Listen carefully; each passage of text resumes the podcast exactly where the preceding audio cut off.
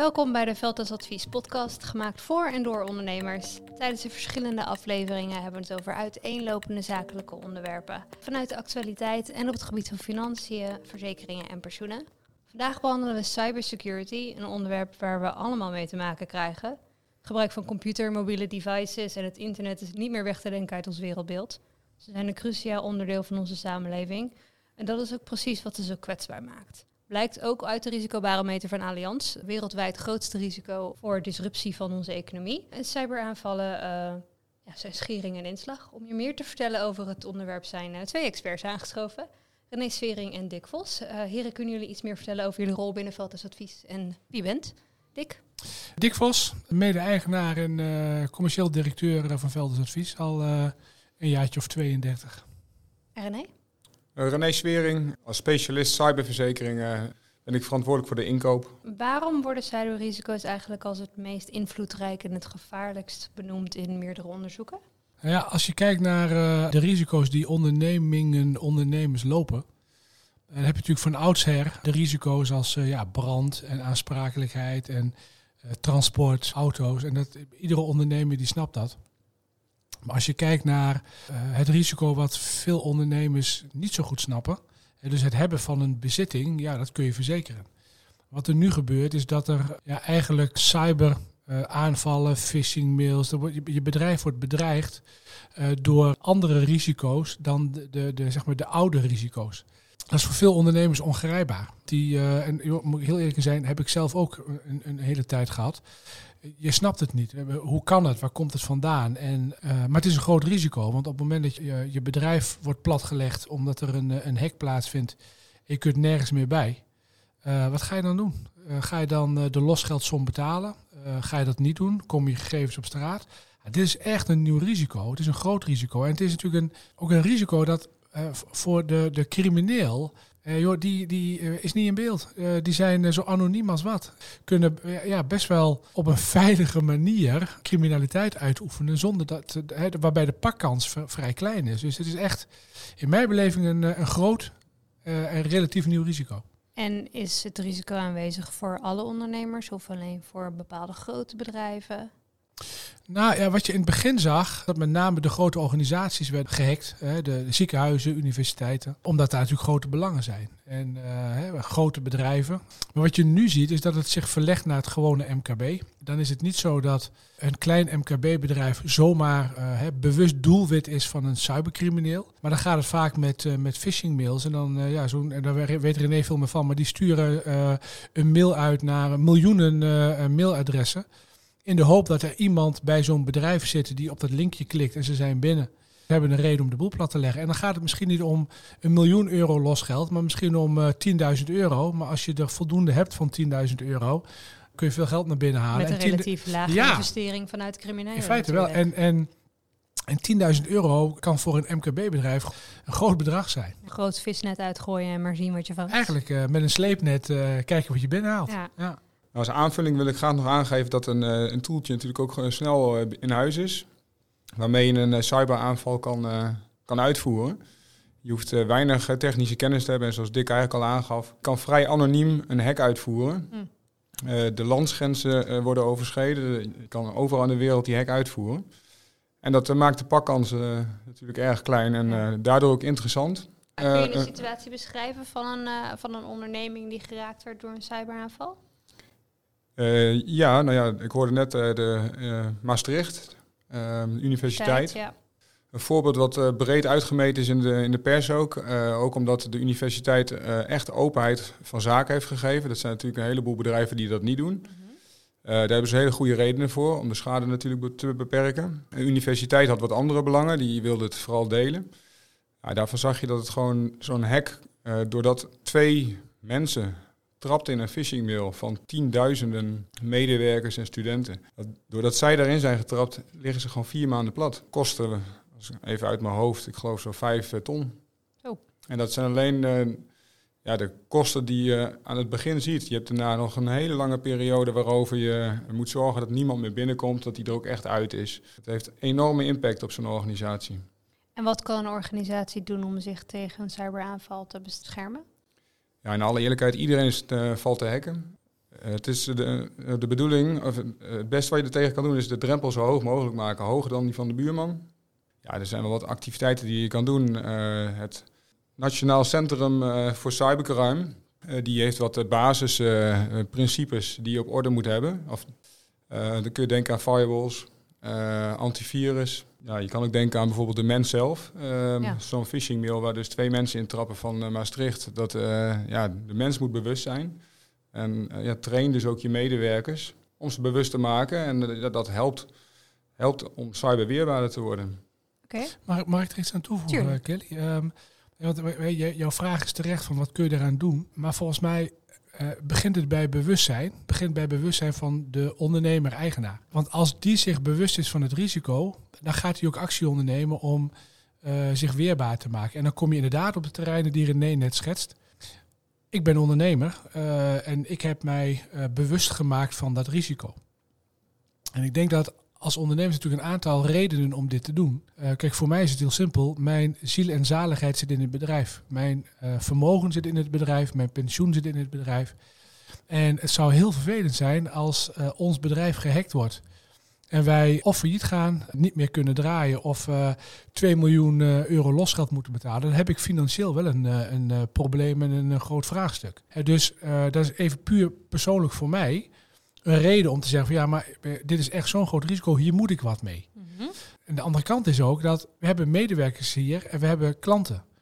En ja, een klant mag er toch van uitgaan dat als hij met mijn bedrijf zaken doet en klanten leveren ons heel veel vertrouwelijke informatie aan. Eh, lonen van medewerkers bijvoorbeeld, hè, voor pensioenregelingen, voor ziekengeld en dergelijke.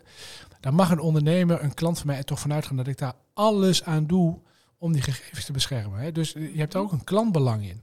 En volgens mij als derde je medewerkersbelang. Uh, want een medewerker mag er toch ook van uitgaan dat ik er als eigenaar alles aan doe om een medewerker een beetje baanzekerheid te geven. En dat ik mijn bedrijf beveilig, zodat mensen ja, comfortabel en op een veilige manier hun werk kunnen doen. En dus ook veilig op gebied van cyber. Hè. Dus, dus volgens mij begint het daarmee. En als je je daarvan bewust bent als ondernemer, dan kun je de stappen gaan zetten die, hè, die René net aangeeft. Dat je inderdaad, uh, maar even heel simpel, kijkt naar technische beveiliging van je bedrijf.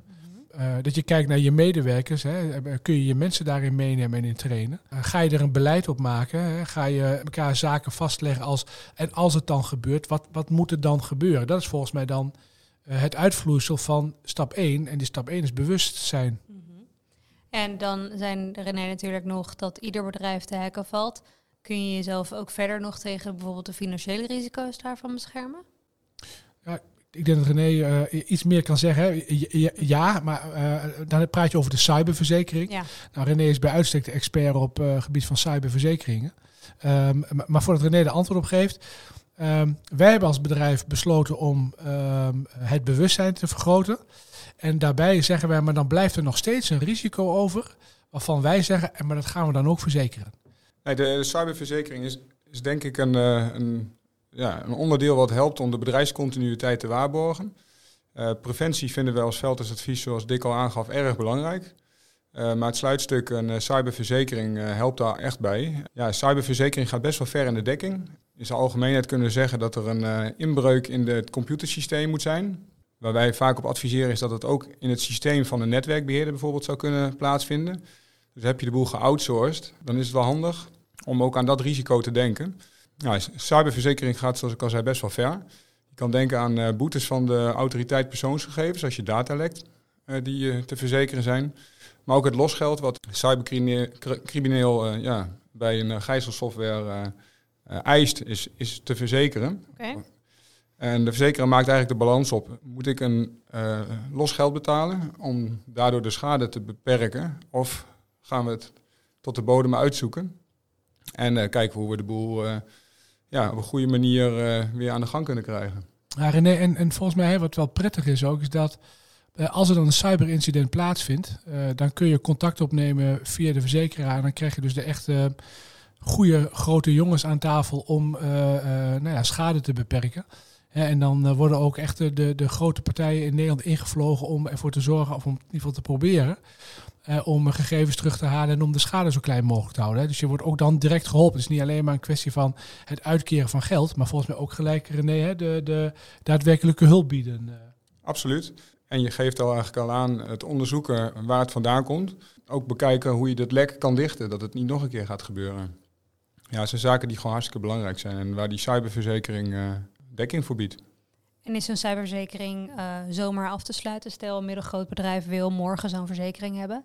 Kan dat zomaar of zitten er ook bepaalde eisen aan acceptatie? Ja, het is goed om te weten dat uh, verzekeraars onderscheid maken in bedrijven tot 25 miljoen omzet ongeveer. Dan zijn ze nou ja, kleinere bedrijven, zeg maar.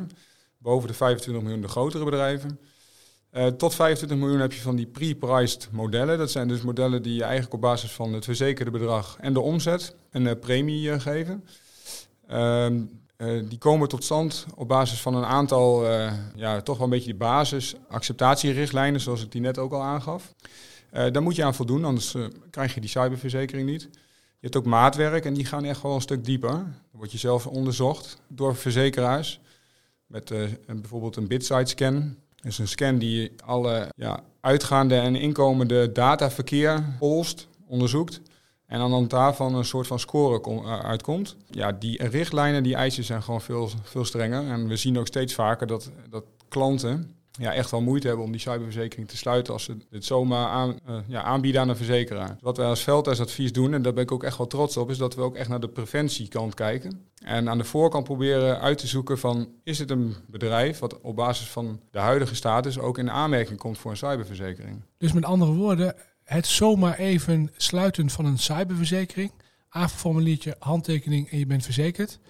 Uh, dat zit er niet in. Dus een bedrijf die gewoon niets doet uh, aan preventie, hè, niet technisch en ook niet uh, qua beleid, sluit niet zomaar een cyberverzekering af. Nou, René is echt een specialist bij ons en die heeft dat gesignaleerd. Toen hebben wij gezegd van ja, waar heel veel collega's van ons, concurrenten soms, op pad gaan naar hun klanten met een cyberverzekering, want joh, er is een risico. hey, en daar hebben we een verzekering voor. Die tijd is geweest. Dus wat wij gezegd hebben, we moeten eigenlijk die ondernemer gaan helpen uh, om uh, ervoor te zorgen dat hij in aanmerking komt voor een cyberverzekering. Dus de, de preventieve kant, en dus meer de consultancy kant, die moeten we gaan belichten.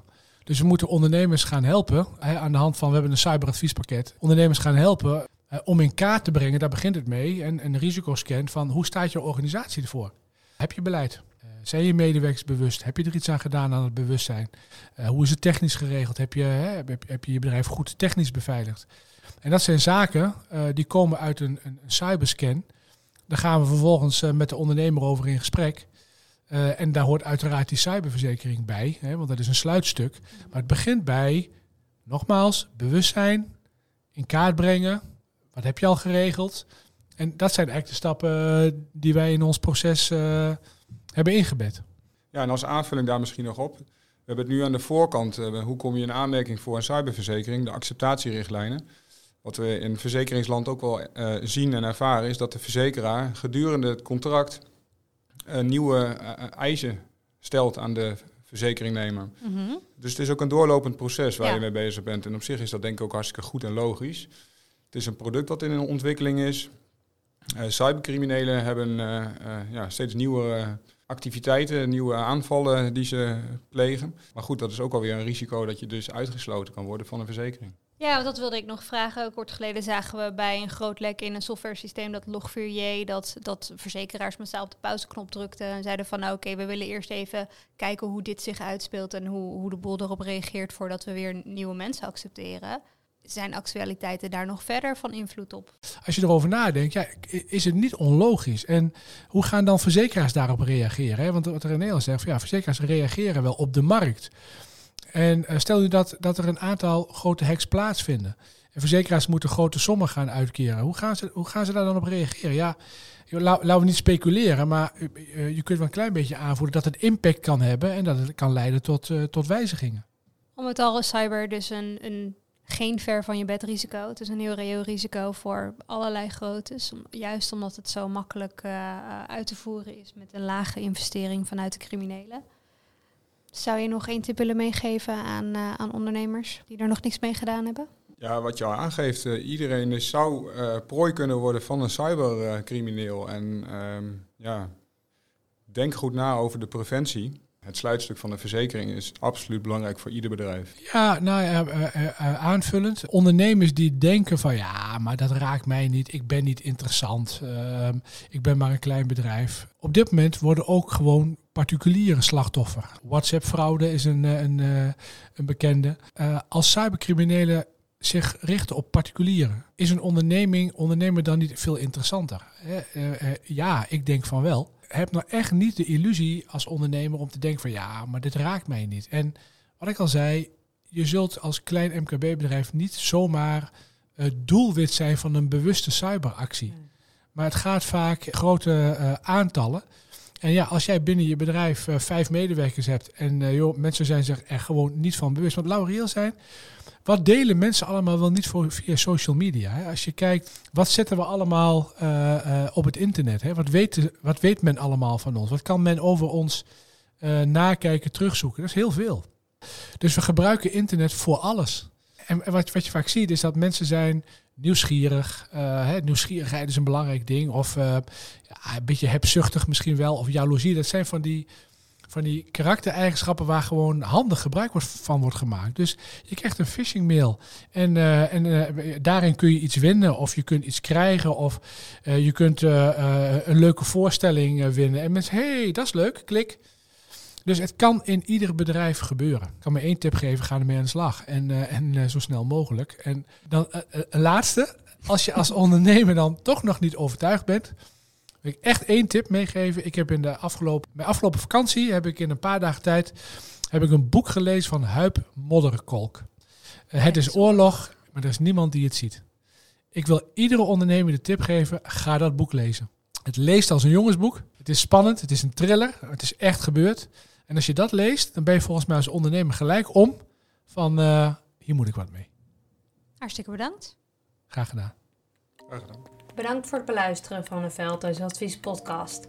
Voor meer informatie over het verbeteren van de cyberweerbaarheid van jouw bedrijf of het afsluiten van een cyberverzekering verwijzen we je graag naar onze website www.veldhuisadvies.nl/cybersecurity. Benieuwd naar de volgende aflevering van deze podcast? Abonneer je via Spotify en blijf op de hoogte van onze volgende releases.